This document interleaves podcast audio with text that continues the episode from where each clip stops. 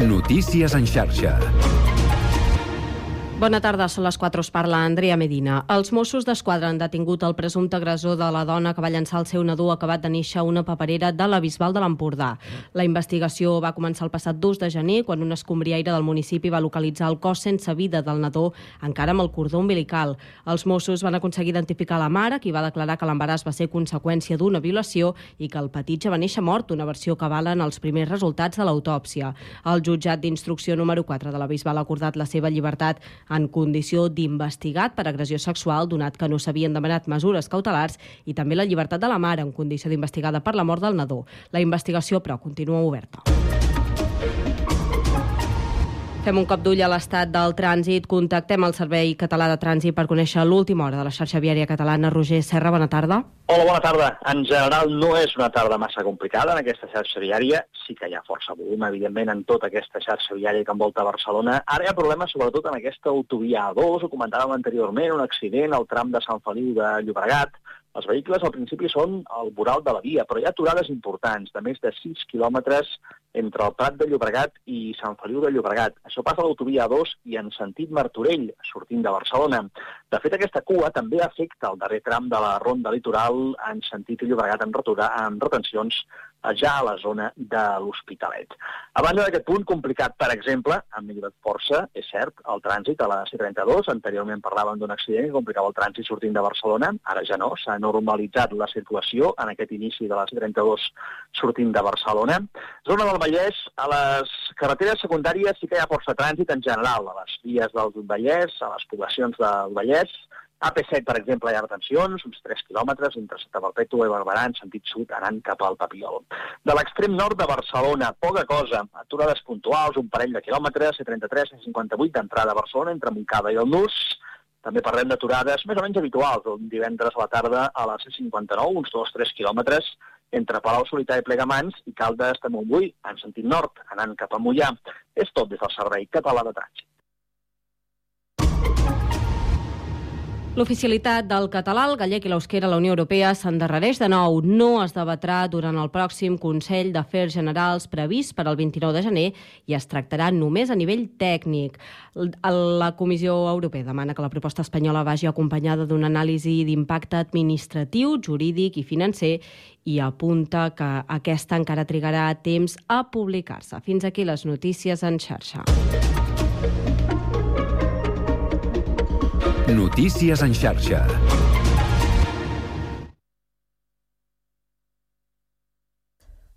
Quatre i tres minuts. Comença el Connectats.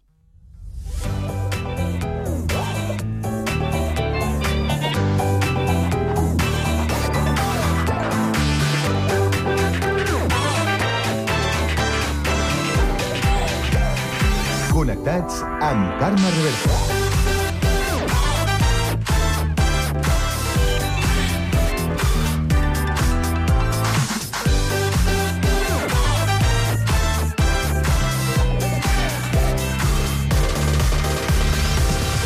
Molt bona tarda, salutacions i benvinguts al magazín de tarda de la xarxa, el Connectats de l'àrea metropolitana de Barcelona. Programa que fem i, com sabeu, podeu seguir a través de Ràdio Sant Cugat, Ràdio Sabadell, la Municipal de Terrassa, el Prat Ràdio, Ràdio Ciutat de Badalona i Ràdio Castellà. Una salutació de tot l'equip conduït a la part tècnica per Pablo Palenzuela i de qui us parla, Carme Reverte. Avui és divendres 12 de gener i volem saber Quin temps ens espera aquesta tarda? Lluís Mi Pérez. A hores d'ara continua aquesta nuvolositat, aquests núvols baixos, boires, a la Catalunya central, també a moltes comarques de Lleida, i estan fent que l'ambient sigui molt fred en algunes comarques, sobretot de l'altiplà central, a hores d'ara no passem gairebé ni dels 0 graus. En canvi, a l'alta muntanya, al Pirineu, a gran part de la costa, del prelitoral, el sol és dominant i continuarà sent-ho al llarg d'aquesta tarda, però no escalfarà gaire. Màximes allà on pugi més la temperatura al voltant dels 12-13 graus arran de mar, també a les Terres de l'Ebre. El cap de setmana es presenta més aviat tranquil, demà al matí amb boires, sobretot a les comarques de Girona, i una altra vegada a la terra ferma, amb noves gelades, i el diumenge sí que es començarà a emblanquinar el cel, fins i tot estones amb algunes gotes, molt poc destacables, i el diumenge pujarà la temperatura a Girona i a la costa, amb una mica més de vent de mestral, sobretot a les comarques de Tarragona i de Barcelona. Us seguirem a la xarxa.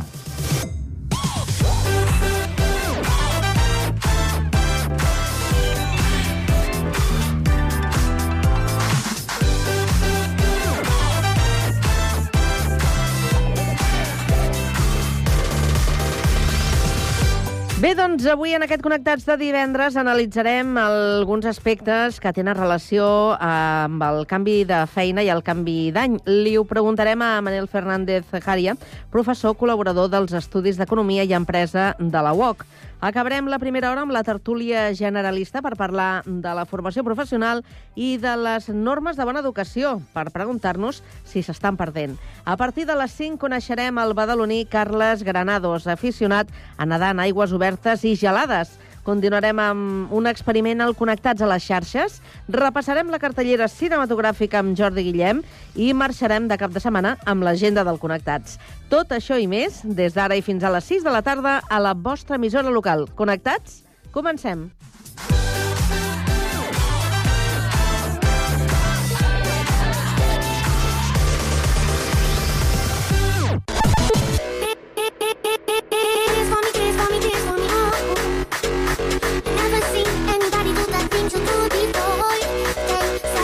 Connectats, una experiència radiofònica a Sabadell, Terrassa, Sant Cugat, El Prat, Castellà i Badalona.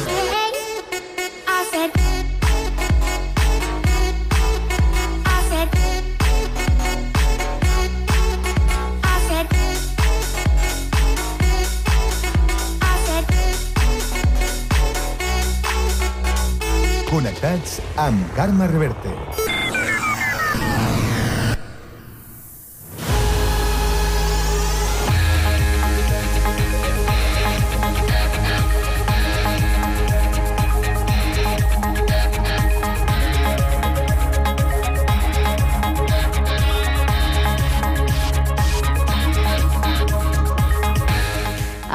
4 i 7 minuts ens actualitzem, ho fem amb la ronda informativa, que avui també obrim per Terrassa.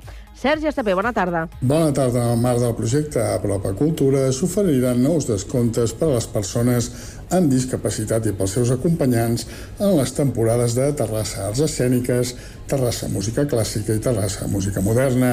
La persona amb discapacitat ha de disposar de la targeta emesa per la Generalitat que especifica que necessita una tercera persona per realitzar les activitats de la vida diària, com per exemple en el teatre.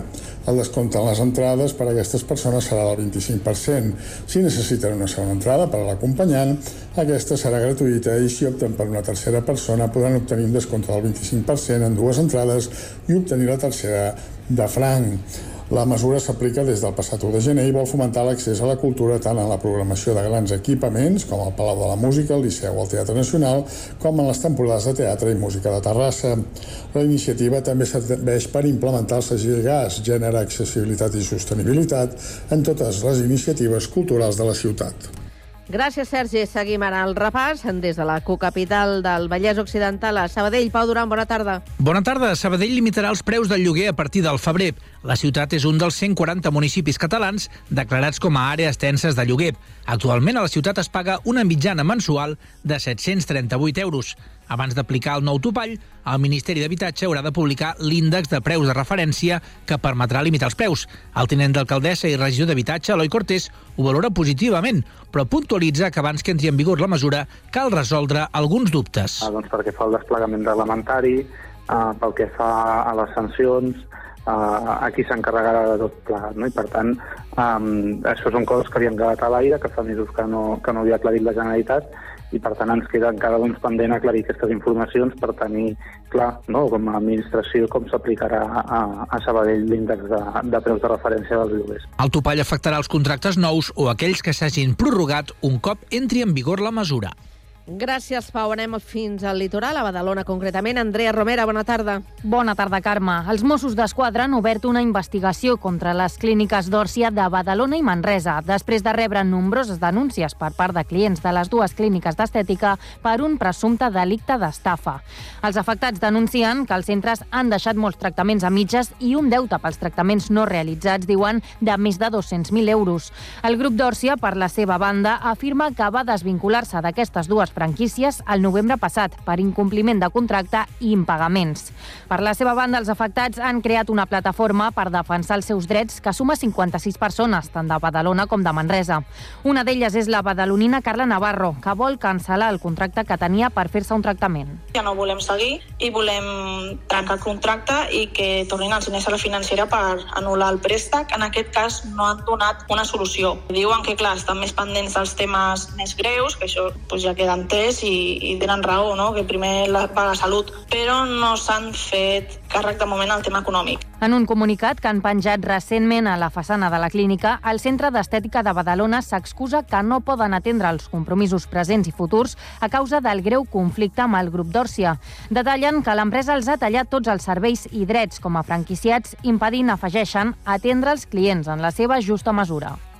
Gràcies, Andrea. Seguim ara des del litoral, però una mica més al sud, al Prat de Llobregat. Víctor Asensio, bona tarda. Bona tarda. La cooperativa agrícola del Prat vol que la carxofa tingui el seu propi emoji. La proposta té com a objectiu donar a conèixer aquest producte i consolidar-lo entre la gent, fent popular el seu ús a les xarxes socials. Si bé quan va ser anunciada la proposta podia semblar una broma, molt aviat s'hi van sumar suports i, de fet, la iniciativa tirarà endavant amb l'objectiu que l'emoticona de la carxofa estigui present als dispositius mòbils i xarxes socials.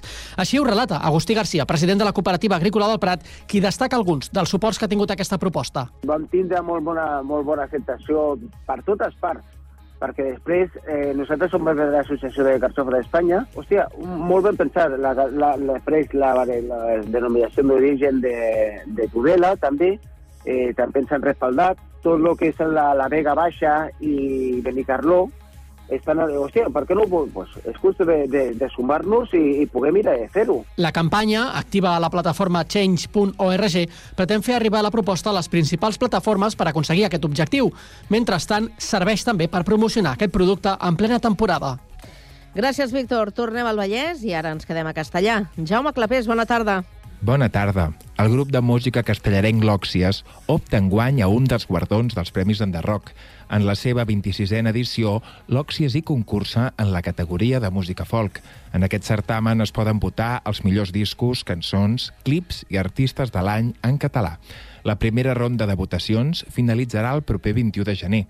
En total, hi haurà tres rondes de vot popular per decidir els Premis Enderroc 2024. En la primera ronda de votació popular en sortiran 10 propostes nominades que passaran a la segona volta. Els desitgem molta sort.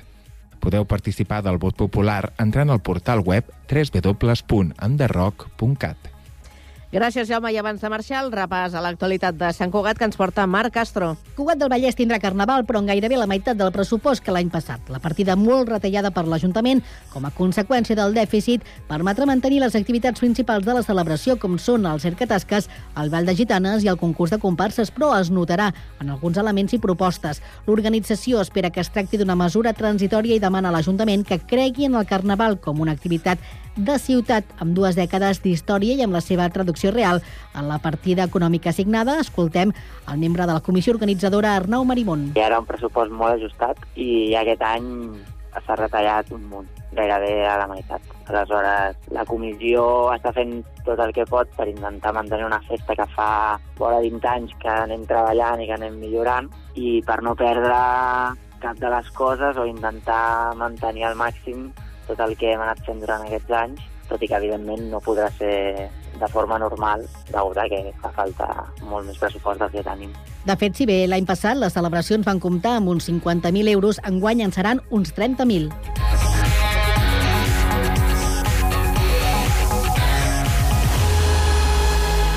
A la tarda, no et desconnectis. A la teva ràdio local, connectats. Can't touch this. Can't touch this.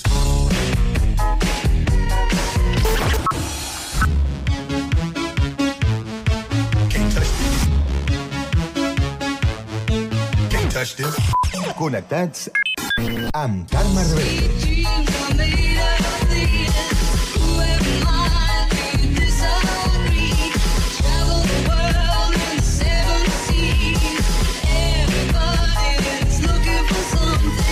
Connectats. Una experiència radiofònica a Sabadell, Terrassa, Sant Cugat, El Prat, Castellà i Badalona.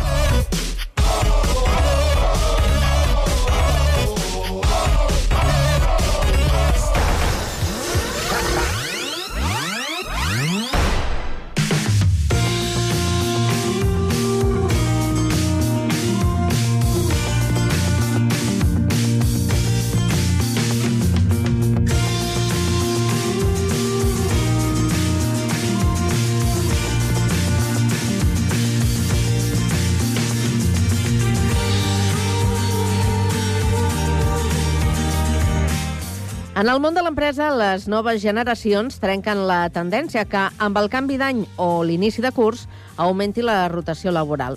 Però això no vol dir que no estigui passant encara. En qui ho podem parlar? Pau Duram, bona tarda. Bona tarda. De tot plegat en parlem amb el Manel Fernández Jaria, que és professor col·laborador dels Estudis d'Economia i Empresa de la UOC i expert en benestar laboral. Gràcies per atendre'ns, Manel. Què tal? Bona tarda, un plaer. Explica'ns quins són els principals motius que porten els treballadors a tenir la intenció de canviar de feina. Doncs depèn, depèn bastant de la, de la generació i, de, i del tipus d'activitat. Eh, a grans trets, els principals temes que, que motiven a la gent un canvi de feina estan relacionats amb les condicions de treball, principalment, i després està molt relacionat amb com encaixa el teu treball i aquestes condicions en la teva vida particular. Això, per exemple, tindria a veure doncs, amb detectar oportunitats o amb millores de sou? Que, que, quines coses en concret pots detectar de dir, mira, jo quan estic a la feina el que, el que em crida l'atenció per fer el canvi no és això? En, en, en llocs de treball amb una qualificació professional eh, on hi ha més, més possibilitat de trobar treballadors, per tant, no una gran alta qualificació professional, el primer motiu de canvi de feina, òbviament, és, eh, és el salari. I, de fet, on tenim una rotació més alta és justament en llocs de treball on el salari és més baix.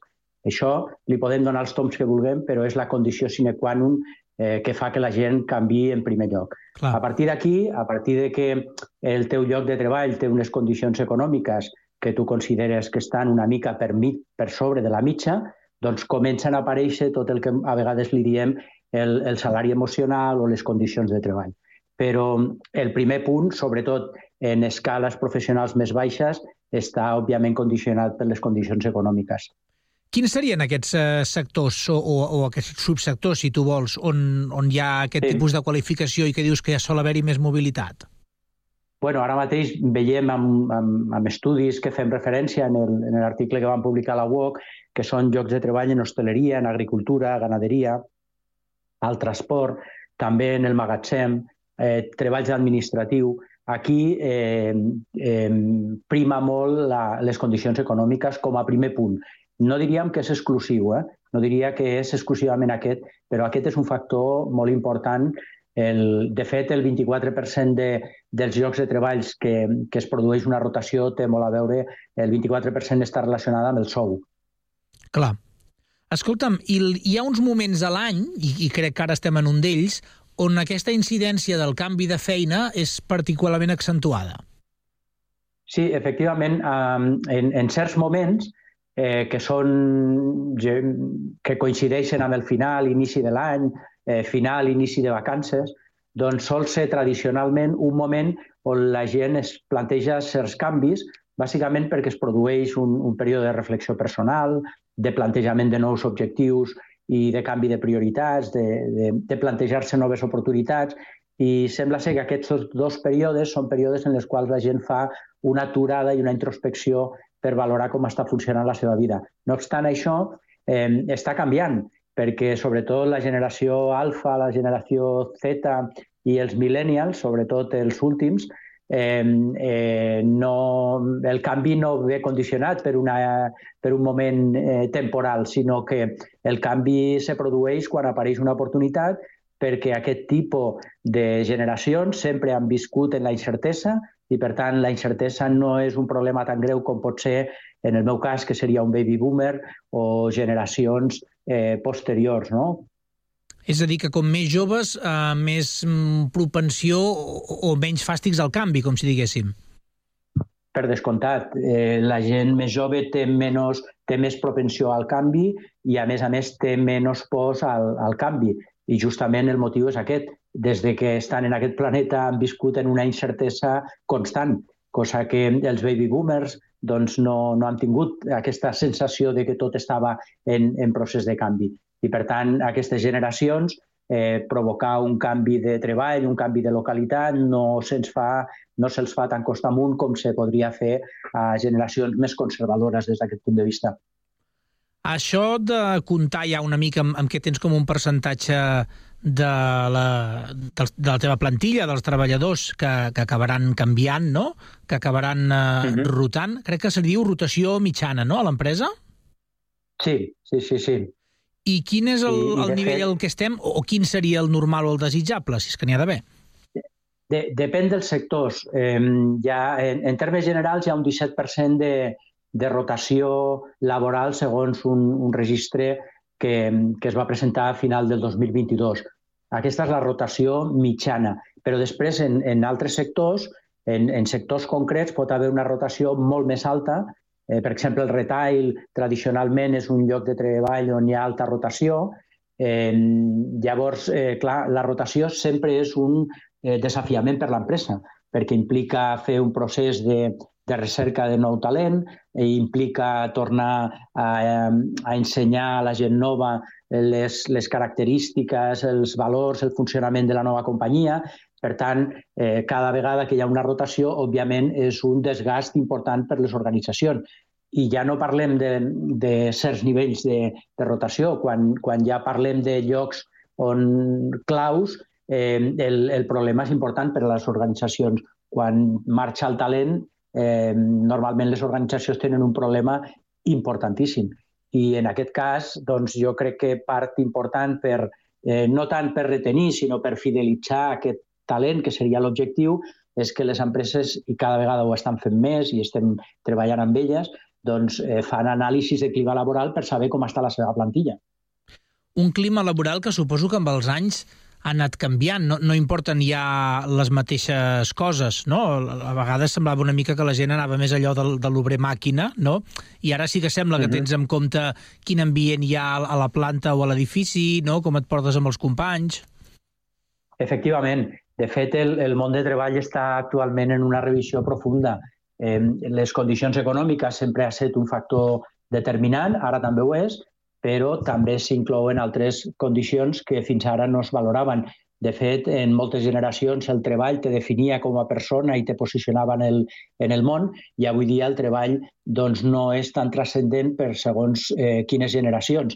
Eh, per a algunes generacions és més important tenir una vida amb propòsit o poder fer una, dos anys sabàtics i donar la volta al món que tenir un lloc eh, magnífic en, en una, i una posició magnífica en una empresa. Eh, això les empreses han de saber-ho llegir i, per tant, mm, connectar el propòsit de la companyia eh, amb el propòsit de les persones crec que és un punt de partida important. Eh, tot el que fa referència als valors que té la companyia i al que aporta i el valor que aporta eh, aquesta companyia a la comunitat també és una cosa que sobretot les generacions més joves tenen en compte i a partir d'aquí un factor que sabem que incideix molt i és en el que jo estic treballant més actualment és en el lideratge. Moltíssima gent no marxa de les empreses, marxa del seu jefe immediat. Clar, perquè el, suposo que el, a la que tu ja estàs en una empresa on dius, bé, tal com van les coses, que jo també ho veig, malgrat sigui només un, un treballador i potser no tingui més responsabilitat eh, per assumir, ja veig que més sou que això, difícil que em donin, o ja veig que més posició que la que tinc, difícil que l'ascendeixi. A partir d'aquí, mm, suposo que el, el, el lideratge que el treballador rep té molt de pes. Sí, sí, sí. Eh, no obstant això, mm, quan l'empresa té la possibilitat d'establir una carrera professional i d'alguna manera eh, plantejar diferents horitzons per diferents estils de persones. Hi ha persones que se conformen en la seva posició i no necessiten cap canvi i, i necessiten una seguretat i repetir i repetir el que venen fent habitualment. Però hi ha persones, i les companyies ho han de saber llegir, que poden tenir aspiracions, necessitat de créixer, necessitat de, de seguir progressant i en aquest sentit les empreses també han de tenir i de desenvolupar doncs, tot un procés de carrera professional dins de les seves eh, possibilitats. Eh, no oblidem que la major part de les empreses en aquest país són pimes, eh, el, el que no significa que no es pot crear també una, una carrera professional. I l'empresa ha d'estar molt atent a les singularitats de cada una de les persones claus de la seva empresa perquè el dia que et comuniquen que se'n van no és el millor dia per fer un repàs de què és el que no està funcionant bé. Per tant, si les empreses tenen la cultura de preguntar periòdicament, d'avaluar el clima psicosocial, que per altra banda és obligatori legalment en aquest país, doncs probablement, a banda de complir amb la normativa de seguretat i salut laboral, el que estaran fent és millorar el seu entorn perquè tindran una informació molt rellevant de com està aquest client intern perquè en definitiva els treballadors també cada vegada més se perceben com a clients interns de la pròpia de la pròpia organització. I és obligatori, Manel, comprovar aquest clima? Pues sí, mira, i a més des de l'any 95. Des de l'any 95 existeix... El que passa és que s'ha explicat malament i, i part d'aquesta culpa a vegades la tenim els propis tècnics. Tota la normativa de seguretat laboral s'ha explicat a vegades molt malament.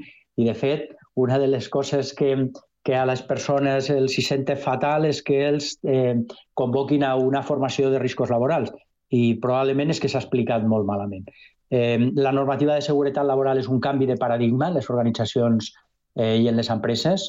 Eh, la responsabilitat eh, passa a ser compartida entre el treballador i l'empresa, tenint l'empresa l'obligació de, de facilitar un entorn de treball de seguretat, però ja no només des del punt de vista físic, eh, sinó també des del punt de vista psicoemocional.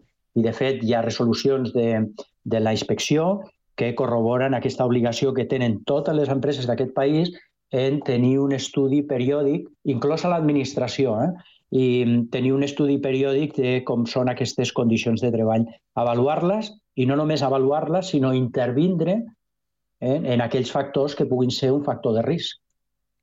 Clar, perquè el, estàvem comentant al principi el tema del sou, el desenvolupament personal, però a fi de comptes també en això que dius hi ha un, un factor de d'una banda suposo que de motivació i de l'altra de, uh -huh. de tenir una certa realització personal al veure que, que la capacitat creativa eh, es pot desenvolupar, encara que sigui des de la mateixa posició. Efectivament, i, i en això és molt important la cultura que té l'organització, la cultura de l'empresa. Si és una cultura que potencia doncs, eh, aquest, aquesta capacitat de treballar d'una manera més, més autoorganitzada, doncs eh, si el que està fent l'empresa provoca que els treballadors tinguin eh, aquesta motivació per, per continuar millorant eh, a, a través dels productes serveis que fan l'empresa, eh, si aquests productes o serveis que fan les empreses tenen un impacte en la societat i a més és un impacte positiu, doncs tot això òbviament està, està contribuint amb aquesta motivació. També sóc de l'opinió de que els treballadors avui en dia de venir motivats una mica de casa seva mm? i, i no esperar que l'empresa fos el motor de la seva motivació exclusivament. L'empresa, en tot cas, el que ha de fer és establir unes condicions de treball perquè aquesta motivació que tu has de portar-la perquè estàs eh, fent allò que tu vols fer, doncs no, no acabi provocant aquesta despersonalització. L'empresa s'ha de preocupar de que tu aquest nivell de motivació el mantinguis. Però, en qualsevol cas, també jo crec que els treballadors han de fer una profunda revisió de quan anem a les nostres empreses a, a què anem i què volem aportar. Per tant, entenc que la consecució lògica d'això que, que dius amb la teva opinió, a la que tu veus que l'empresa no trobes la manera de motivar-te, més que buscar-li les raons a l'empresa, potser que facis la reflexió personal de buscar-ne una altra, no? Mm, Aquesta és una alternativa.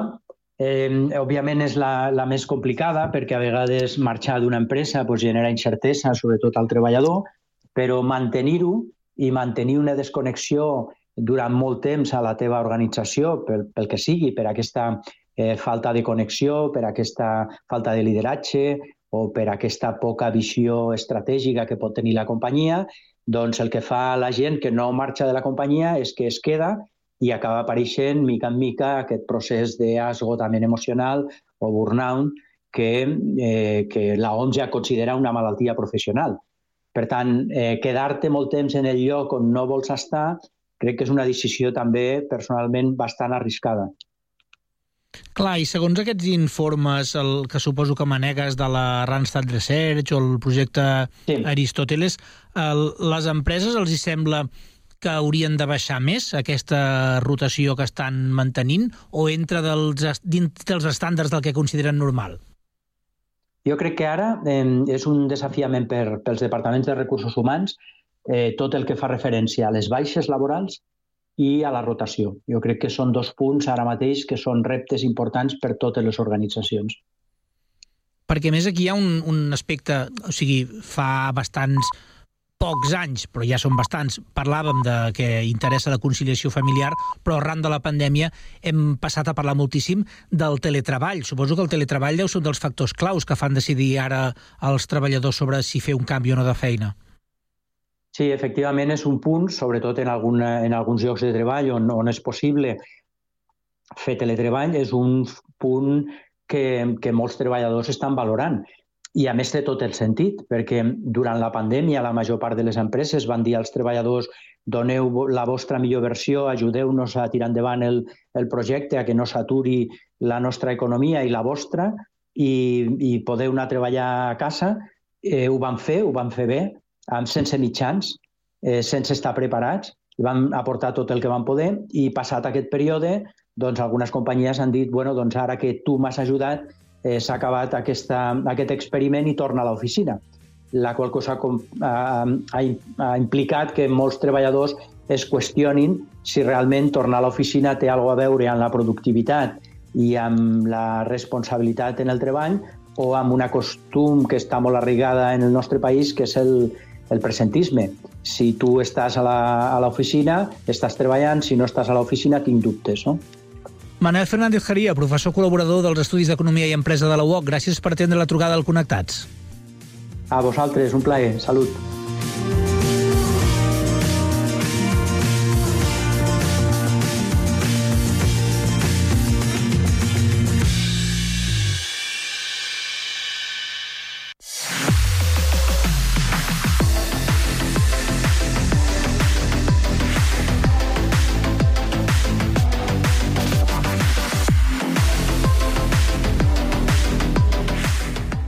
Passen dos minuts de dos quarts de cinc de la tarda i ara ens disposem a obrir aquest espai d'opinió, la tertúlia Tres Bandes, que avui la compartim amb la Marina Domènech, que és estudiant de Comunicació Audiovisual, i la tenim a Sabadell. Marina, bona tarda i bon any. Bona tarda i bon any. Com estàs? Molt bé, molt bé. Sí? Amb moltes ganes de la tertúlia. Ganes de tertúlia. I com pinta Sí. aquest 2024? Com has estrenat l'any? Molt bé. Jo, Sí? crec que, jo crec que bé. A nivell professional jo crec que venen coses xules. Molt bé, molt bé. Fantàstic. Saludem també a José María Mesa, que és exdiputat al Congrés i el tenim a... al Prat de Llobregat. José María, bona tarda i bon any. Molt bé. Hola, molt bona tarda, molt bona tarda i bon any per tots, també. Com estàs? Pues estic bé, estic... Eh, eh, els que estem jubilats estem bé, estem només que eh, esperant i veient què està passant en el món i què està passant al nostre país i què està passant a la nostra ciutat. Llavors, a, a la missió tenim una presentació pues, molt bona de lo que és la nostra vida. Després, el que passa a la realitat, i això, això és una altra cosa, no? Avui parlarem de qüestions quotidianes, perquè en definitiva ens agrada no? parlar de les coses que, que, que, que ens, envol, ens envolten, de les coses bé, que ens molt bé, passen. Molt bé, està molt bé. Avui, avui farem això. I a Sant Cugat tenim a la Vinga. Roser Fernández, que és membre de l'aula d'extensió universitària i ens acompanya a l'estudi. Com estàs? Bona tarda i bon any. Hola, bona tarda, bo- bon any igualment. També, pinta bé? Pinta bé el 2024? Bueno, de moment eh, s'agafa amb optimisme, no? Bé. Sí? Has de pensar que anirà bé. Això. Hem de pensar que anirà bé. Que anirà bé. Sempre pensem. Que passa que després les coses es Bueno, fan... van, van com van, però... Es van complicant una mica. Però vaja, no posarem els pals abans de, No. eh? de fer moure No, el, no, no, no. el, el carro.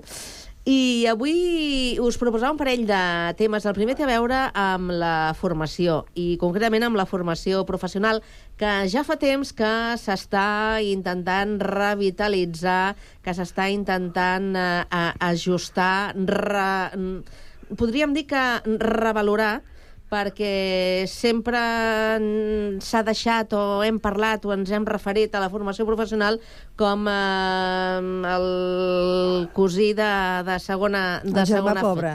El germà pobre, sí. Exacte, A, efectivament. I sembla que el govern doncs, s'hi ha posat eh, mans a la feina per fer de la formació professional, doncs, um, podríem dir que eh, una, una formació que s'ajusti a, la, a la realitat, a, als nous temps, a les necessitats de, de, de la societat, a, al nostre entorn i s'ajusti també doncs, a, a la gent que, que, que s'ha de professionalitzar, no? a la gent que ha de fer aquests eh, estudis. Hi ha una estratègia que està enfocada i encarada a, a, en tres grans blocs. Un eh, tracta d'augmentar l'oferta en aquelles branques on falten professionals, L'altre té a veure amb promoure les inscripcions d'aquells alumnes a, en aquelles especialitats on sempre queden places lliures, o sigui que l'oferta queda per sota de, de, de la demanda, i després allò que funciona, allò que, que, que s'ajusta a, la, a les necessitats i a la realitat, eh, es tractaria de- d'estabilitzar-ho. Eh, no sé si, si en realitat eh, tot això acabarà ajudant. Com veieu vosaltres que aquests canvis, aquesta, aquesta empenta que se li vol eh, donar, eh, acabi encaixant doncs, eh, amb aquelles necessitats que tenen els estudiants que, que, que trien aquestes, aquestes especialitats a l'hora de, de pensar en el, en el seu futur? Jo crec, bueno, jo veig, veig, veig bé que vulguin revitalitzar-ho i, i, i que ho facin bé. El que passa que hem estat tants anys eh, deixant-la com en un segon grau que, que esclar, és una cosa que, que costarà. Jo crec que eh, l'han de dignificar perquè eh, què ens trobem ara, després de tots aquests anys que ha passat, que mm, tu, per exemple, busques qualsevol ofici, qualsevol operari, un electricista, un fuster, un... No hi, ha, no hi ha ningú del país que, que faci això. Tenim sempre gent de fora. Jo no hi estic pas en contra de la immigració, al contrari, però te'n dones compte, vas a l'hostaleria, gent de fora, eh, totes aquestes feines de telefonia, totes les coses que et venen a casa a fer algun servei, tothom és gent de fora. Vol dir que la gent del país no ho ha volgut fer. I tothom es queixa de que els hi falta operaris i de que els hi falta gent. I jo crec que això és degut a que no s'ha no s'ha potenciat durant tots aquests anys i ara la gent ha quedat això com a una cosa com de segon grau i no, perquè això és necessari, són oficis que no es poden perdre, que s'estan perdent molts oficis i crec que amb això s'hi ha de donar una bona empenta i que serà difícil donar-li la volta però que s'ha de fer, s'ha d'intentar Mm. Com ho veieu? Jo ho veig molt bé, Bueno, perquè yo al tengo final... un, un criterio... Ah, ane- anem una mica per ordre. Fem la Marina i després el, el José María, val? D'acord, d'acord, d'acord, d'acord, d'acord. Doncs res, jo el que deia, ho veig molt bé perquè al final eh, l'FP eh, ha sigut la gran oblidada i de fet és això el que dèiem que es, ha quedat en, en, un, en uns estudis de, de segona, no?, moltes vegades, i jo ja, a nivell personal, jo tota la gent que conec que ha fet formació professional surt molt més formada que la gent que sortim de graus universitaris. I inclús la gent que, va, que es forma primer en, un, en formació professional i després ve a un grau, es nota molt qui ve de batxillerat i qui ve d'un lloc on t'han format i on t'has preparat per la vida laboral. Llavors, jo crec que està, són, són uns cursos que estan molt bé i, i que ja era hora doncs, que es posessin, es dignifiquessin i es posés en valor doncs, la feina que fan de formar a, a professionals, perquè és això, formen a grans professionals. Mm. José María. Muy bien. Bueno, yo tengo una historia porque, claro, los que somos mayores tenemos historia de lo que ha sido la formación profesional y cómo ha ido evolucionando con el tiempo. Cuando yo era jovencito, era joven, tenía 20, 25 años, cuando vine a trabajar a de Llobregat, había seis escuelas de formación profesional.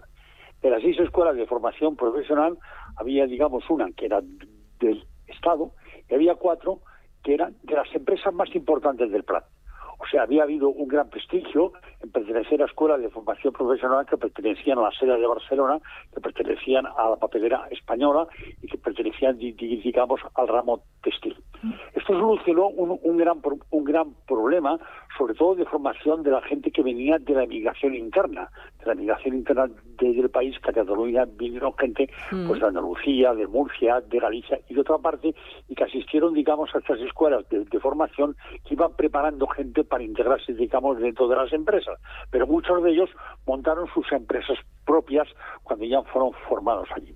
La propia sociedad es la que se fue, como la marcha de estas empresas a otras partes sociales de estas empresas, también fue cerrando, fue cerrando estas escuelas de formación profesional sin que se creara nada nuevo. Hoy, hoy en el Paz existe una gran escuela de formación pro- profesional con cuatro o cinco especialidades, eh, especialidades, pero muy técnicas. Por, por ejemplo, el ramo de la aviación, por ejemplo, el ramo náutico, por ejemplo, tal. Pero cuando, como ha dicho una de, las compañeras que, que ha hablado, entonces tenemos un problema de formación para lo que la gente necesita, digamos, en sus respectivas casas. Hoy que se está hablando mucho, y hoy, hoy día, precisamente en el día de hoy, se está hablando mucho del tema de la emigración, no solo los dos grandes problemas del mundo, me he leído un libro que dice que aparte de las guerras que empiezan y que luego se acaban, como se han acabado todas las guerras, habrá dos grandes problemas.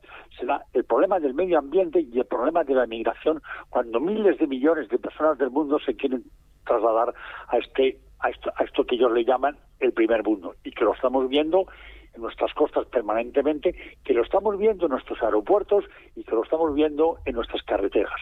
Muchas cosas serán propaganda y otras serán mucho menos por problemas puramente políticos. Pero la formación profesional será básica para esta gente que quiere llegar aquí porque tenemos que formarla y tenemos que prepararla para un servicio y para que ellos se sientan dignos, Mhm. no se sientan Sí, eh, hi ha una cosa molt un important. Ara, ara comentava el José María una qüestió important, que era la implicació de, de quan parlaves del principi, no?, d'aquella... eh, de la teva arribada al Prat, amb, amb tantes eh, escoles de formació professional i la implicació de les empreses. Sí. Perquè és que dona una mica la sensació que hem estat molts anys una mica d'esquenes a la realitat no? i que llavors, mm, a l'hora de la veritat, no han casat les necessitats amb allò que, que sortia no? dels centres. Bueno, abans hi havia la figura de l'aprenent també a les empreses, no? que era on se formava tota Mm. aquesta gent, i ara això també ha desaparegut una mica. Sí, sí, és complicat. hay dos temas importantes también. Hay dos temas importantes a tener en cuenta. Primero, que a esta gente que darle prestigio social. Y segundo tema que apareció fue, digamos, una presión importante del mundo del funcionariado. Es decir, en esas escuelas de FP, los que daban clases, a- aparte de gente que daban las clases de, que puede ser de, la- de- de lo que se llamaba antiguamente cultura general, o que se llamaba, digamos, otras cosas, era la gente que estaba, digamos, en las máquinas, era la gente que estaba preparando, eran, eh, eran aquellas personas que tenían una formación profesional y que ya trabajaban y que les estaban dando clases a chicos que venían, que venían nuevos. Es decir, eh, está muy bien el tema de que los funcionarios sean a través de los maestros o a través de que estén en esta escuela, pero tiene que haber también una colaboración de la gente importante que se pueda hacer, digamos, a través de convenios con los gremios, a través de convenios con los sindicatos, a través de convenios. No puede ser únicamente la formación profesional, no se puede admitir únicamente con profesores como nosotros que, que están, digamos, en la escuela básica o, o que están en la escuela primaria. Eso es otra cosa. Eso, es, eso es una cosa que tiene que ser complementaria para las actividades que luego tengan en la vida. Val, ara jo us plantejo dues, eh, dos conceptes eh, i dues qüestions per introduir en el, a, la- a la tertúlia respecte a aquest tema. D'una banda, la vocació. És a dir, eh, s'ha perdut eh, la vocació per eh, oficis, eh, per eh, professions eh, com coneixíem, eh, i fins i tot per les noves professions que puguin haver aparegut.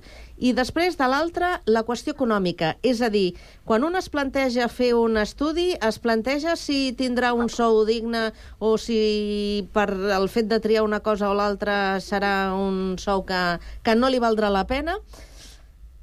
Això crec que poder sí, eh, que avui en dia es té, es té molt en compte, que poder, per una part poder estar bé, però per una altra part poder estar equivocada, no?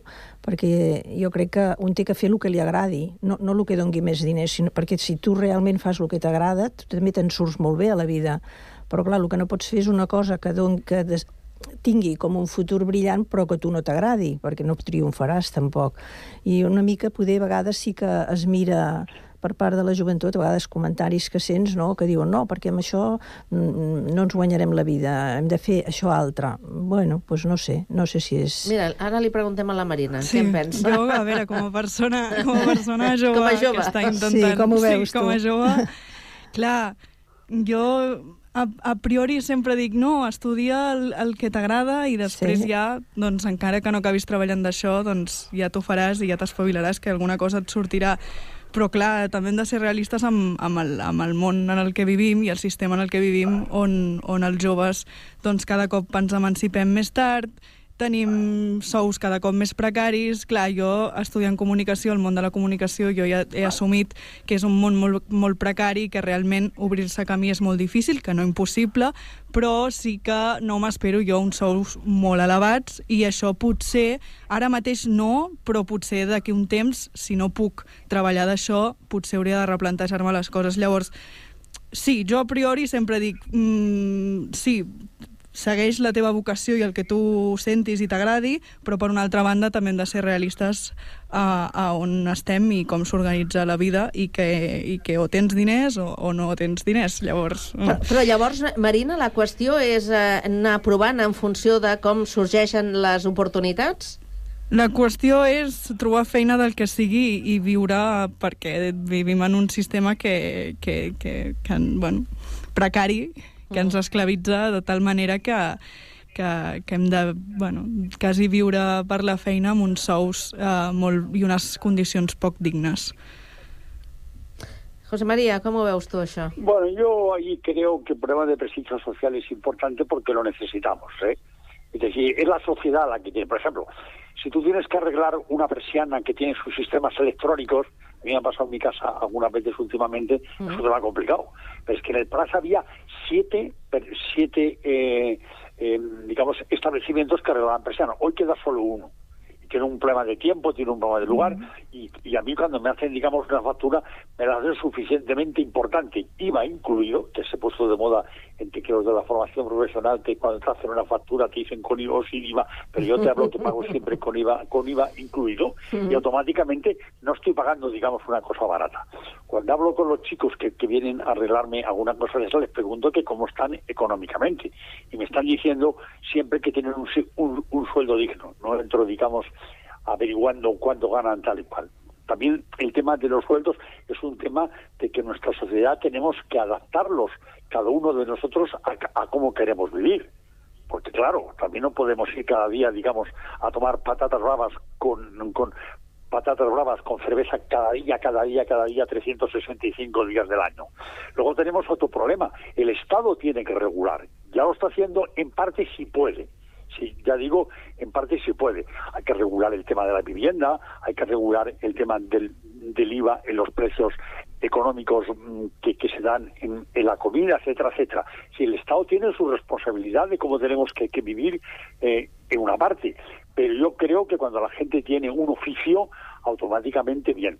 Yo hablo muchas veces, eh, muchas veces con gente del mundo de la inmigración que vienen de fuera, especialmente gente del mundo del, Magreb o gente que viene, digamos, del, de otros sitios totalmente de otras razas di- diferente a la nuestra. Y cuando tienen un trabajo, que tienen trabajo fijo, que están cobrando, digamos, unas cantidades que yo no sé si son dignas o, son- o no son dignas, pero son- tienen trabajo fijo, cobran y la empresa, digamos, es responsable, que el Estado también tiene su gran responsabilidad, esa gente adquiere, digamos, un carácter de normalidad humana que necesitamos para la gente que venga de fuera. Y esa gente va a entrar generalmente por la formación profesional, no para ir directamente, digamos, al campo universitario.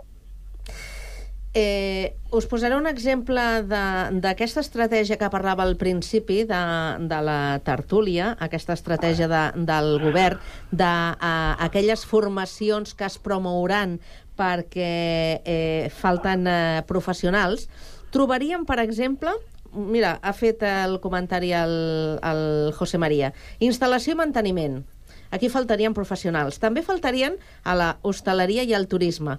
Però, clar, és que sabem, sobretot en aquest, ara que comentava hostaleria i turisme, els sous que, que es paguen, per exemple, als, als cambrers, els horaris que fan, les condicions de, laborals que, que tenen. Eh, tot això s'haurà de regular i s'haurà de mirar de- de- d'equilibrar de, i compensar d'alguna manera, perquè si realment falten professionals, eh, la gent, evidentment, no voldrà formar-se eh, si, si es mantenen aquestes condicions, no? Bueno, hostaleria i turisme, per exemple, tenim molts bons cuiners, tothom vol ser cuiner, però ningú vol ser cambrer. Ja. Tots els cambrers que tenim, la majoria són de fora d'aquí. Llavors, vull dir, mm, tu, en canvi, te'n vas fora d'aquí, te'n vas per Europa i, i vas amb, amb, amb cafeteries i amb restaurants i veus uns cambrers que estan ca gairebé, quasi bé ja a prop de la jubilació, o sigui que porten una, una professió durant tota la seva vida i que, i que ens, ho fan superbé i en saben molt. Llavors, això aquí no s'ha potenciat. Ha sigut com, com, igual com dic ara cambrer, puc dir un altre, un altre ofici, eh? però vull dir, ens ha faltat això, dignificar les feines, que la gent, la gent les tingui, que les faci bé, amb orgull, i que se senti ple fent-ho. Professional. Exacte. que se senti professional. Eh, no sé Sí, però a part d'orgull... A veure, a veure, espera. Fem Marina No, i, jo, i José jo María. crec que a part d'orgull també els sous dels cambrers haurien de ser... També, també hi juga, tot hi Clar, juga. O sigui, l'hostaleria està molt mal pagada. Ja en una altra tertúlia ja en vam parlar que mm. no sé qui era de... Bueno, va sortir un director d'aquests que, que diu molt i fa poc i que deia que no, és que els joves no volen treballar, no, perdona, senyor. No, sí, els joves sí. sí. que volen treballar. Clar que volem treballar, però en un sou que ens doni per viure i Sense per que- pagar-nos sense que us les prenguin el factures. pèl, no? Exacte, sí. perquè no volem ser esclaus. Clar, això ho accepta gent que necessita els diners, sí. I, i és, però els necessita igualment no arriben a final de mes, però és que no tens un altre. O sigui, això, les, les feines d'hostaleria s'accepten quan no, no tens cap altra alternativa. Llavors, la, si acceptes una feina amb aquestes condicions, vocació cap, evidentment. Mm. José María. Aquí hi ha un altre tema també que, que tenim de tindre en compte, eh? perquè, per exemple, a la meva població, d'altres poblacions de, de, de prop, a qüestió de 5 anys, el 95% dels bars són, ja no són de propietaris de, de, del nostre Sí. país, sinó Sí, que sí, són de xinesos. Tenim el, el, el, el problema de que les peluqueries, al Prat, molt especialment les peluqueries d'homes, el 90% són de gent que ha vingut de, de països asiàtics. Clar, això està canviant, això està canviant molt al nostre, al nostre sistema social. És a dir, que, que el senyor cambrer, que ho tenien tota la vida al, mm, al mateix lloc i, i que anaven a dinar fa 20 anys, avui tot això ha desaparegut. Jo l'altre dia li, li vaig dir a l'alcalde del Prat, la plaça de l'Ajuntament del Prat es tenien que dement la plaça de, de Xenament, perquè és que no queda cap dels 100 restaurants que hi ha i bars, no queda cap de, de cap català ni de cap espanyol. Tots són xinesos. Clar, tot això ha canviat també una mica la vida de, de lo que ha de ser la nostra formació pro- professional amb aquesta gent també. Per, per Mm. almenys exigir de, de que facin una cosa que tingui una certa qualitat. Eh? Sí, sí.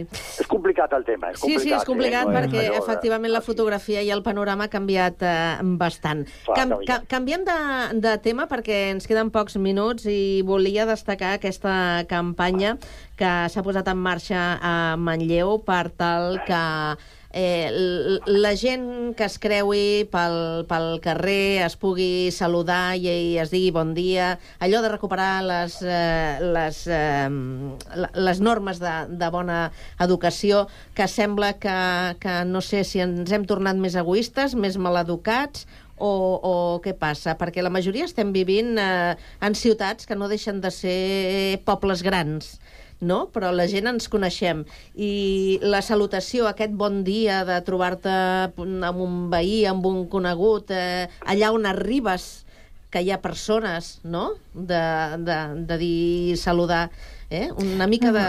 Eh, Una mica és això que dius tu, no? Ciutats que eh, són pobles grans. En els pobles la gent se saluda tothom, perquè es coneix tothom. Però, clar, poder, com que n'hi ha molts que s'han han crescut, un exemple el tenim aquí a Sant Cugat, que ha crescut com tres o quatre vegades el que era, mm, s'ha anat perdent això, perquè clar, ja, ja no és eh, aquells inicis de- d'un poble on tothom es coneixia, tothom sabia d'on era, on era, qui era, i llavors poder això també ha, ha provocat que, esclar, la gent ara, la majoria no es coneixen. Per, Tu, s'ha tu tens veïns? Sí, tinc veïns. I et saludes amb els veïns? Sí, aquí sí. Jo he viscut a Barcelona molts anys i hi havia veïns que després de 20 anys et pujava amb l'ascensor i encara, encara ara és ni bon dia. Ah, clar. Aquí, ara aquí sí, eh? Sí, sí. Marina, eh, tu tens veïns? Jo sí, sí. I què? I sí que el saludo, sí. Però ja està. A part d'això, clar, és que Sabadell, si vas saludant a la gent, al final t'atures cada 5 minuts. Me- Menys. Vas per la Rambla, adéu, adéu, Sí, hola, hola. sí. Bon dia, bon dia. Clar, són molta gent, però entenc que els pobles és una cosa que, clar, si coneixes a, a tothom, sí. Però jo- però sí, els veïns és una cosa que es fa. Eh, És que els veïns ja és una, una qüestió d'educació. No? Sí, dir, Perquè que... ens veiem, no, no ens acabem de conèixer, però ens veiem i sabem qui és cadascú, mm. no? Imagineu-vos Sí. que aneu i traieu les escombraries i aneu als, als contenidors i et creues amb un veí. El saludeu? Sí. Sí, Sí. sí. A mi, José- és que a mi no em costa Yo gaire, estoy muy eh? de acuerdo con la campaña, ¿eh? José Estoy de María, acuerdo sí? con la campanya perquè oh, jo estic molt d'acord amb la campanya aquesta que, que ha fet aquesta població que ha sortit avui diverses vegades per televisió. I per què ha sortit? Ha sortit perquè això s'ha convertit una mica en un problema. A, a, a dir, jo, jo he tingut sempre mo- molta por, i ja trobo molta gent a Barcelona, a la meva casa no, però, pe- però a un altre lloc, de el silenci de l'ascensor. Me molesta Sí. quedo emprenyat. Sí. Quan, quan entro en l'ascensor i jo dic bon dia i de golpe han contestat uh, o, escolti, O no contesten. diguen bon dia o diguen bona nit o diguen, digue, digue el que sigui. I això quan em diuen aquesta cosa que faig jo, però és que hi ha vegades que no es diu res. De totes les maneres, el món ha evolucionat. Jo visco a la mateixa casa des de fa 54 anys. Què ha passat? Els veïns de, eh, que eren abans, de vegada a vegada es veien, eh, feien al, al, alguna, algun sopar junts, eh, ens trobaven i anaven a buscar a casa de l'altre si faltava una cosa de la casa. Mm. Amb el canvi que hi ha hagut, de que hi ha molta gent, molta gent jove, els que vivim dintre de la, de la meva comunitat de, de grans, doncs sí que diem adeu, però ja no tenim aquest mm, entourage que tenien abans. És dir, la societat tornem- s'ha s'ha tornat molt més freda. Sí, sí, sí, sí. I llavors també fa falta una mica de capacitat d'aquestes campanyes No ens que queda- fan no ens queda temps. La societat no és un tema tan fred. Mm, efectivament. Eh, ens hem d'acomiadar, ho hem de deixar aquí i no us dic eh, bon dia, us dic bona, bé. Bona tarda. Bona tarda. I espero que Bona tingueu... tarda, bona tarda. Bon cap de setmana tingueu els tres. Setmana Gràcies. Gràcies a tothom. Adéu-siau. Igualment, igualment. Gràcies, adéu. Bona tarda, adéu, adéu.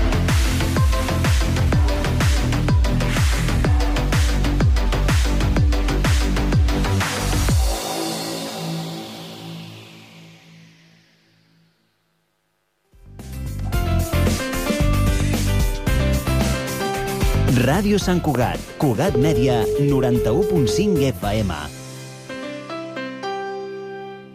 La música més propera a tu a Ràdio Sant Cugat.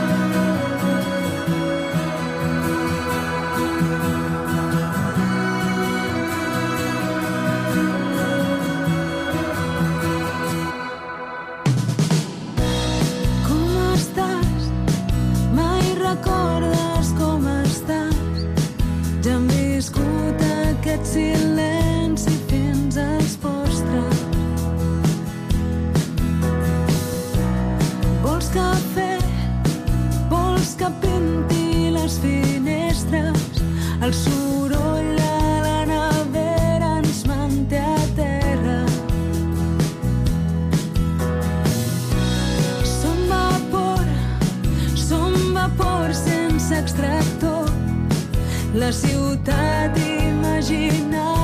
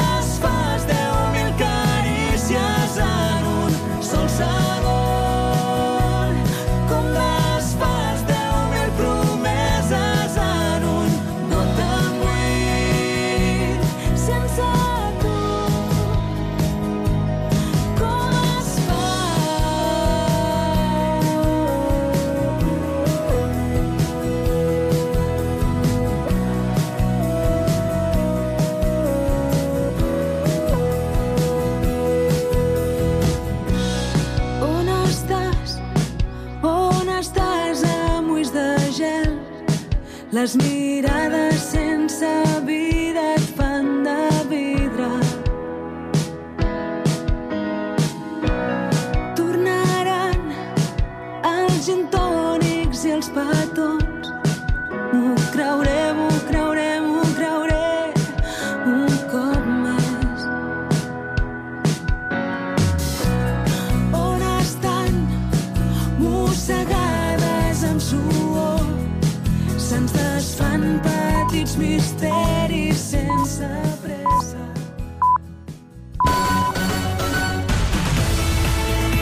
Ràdio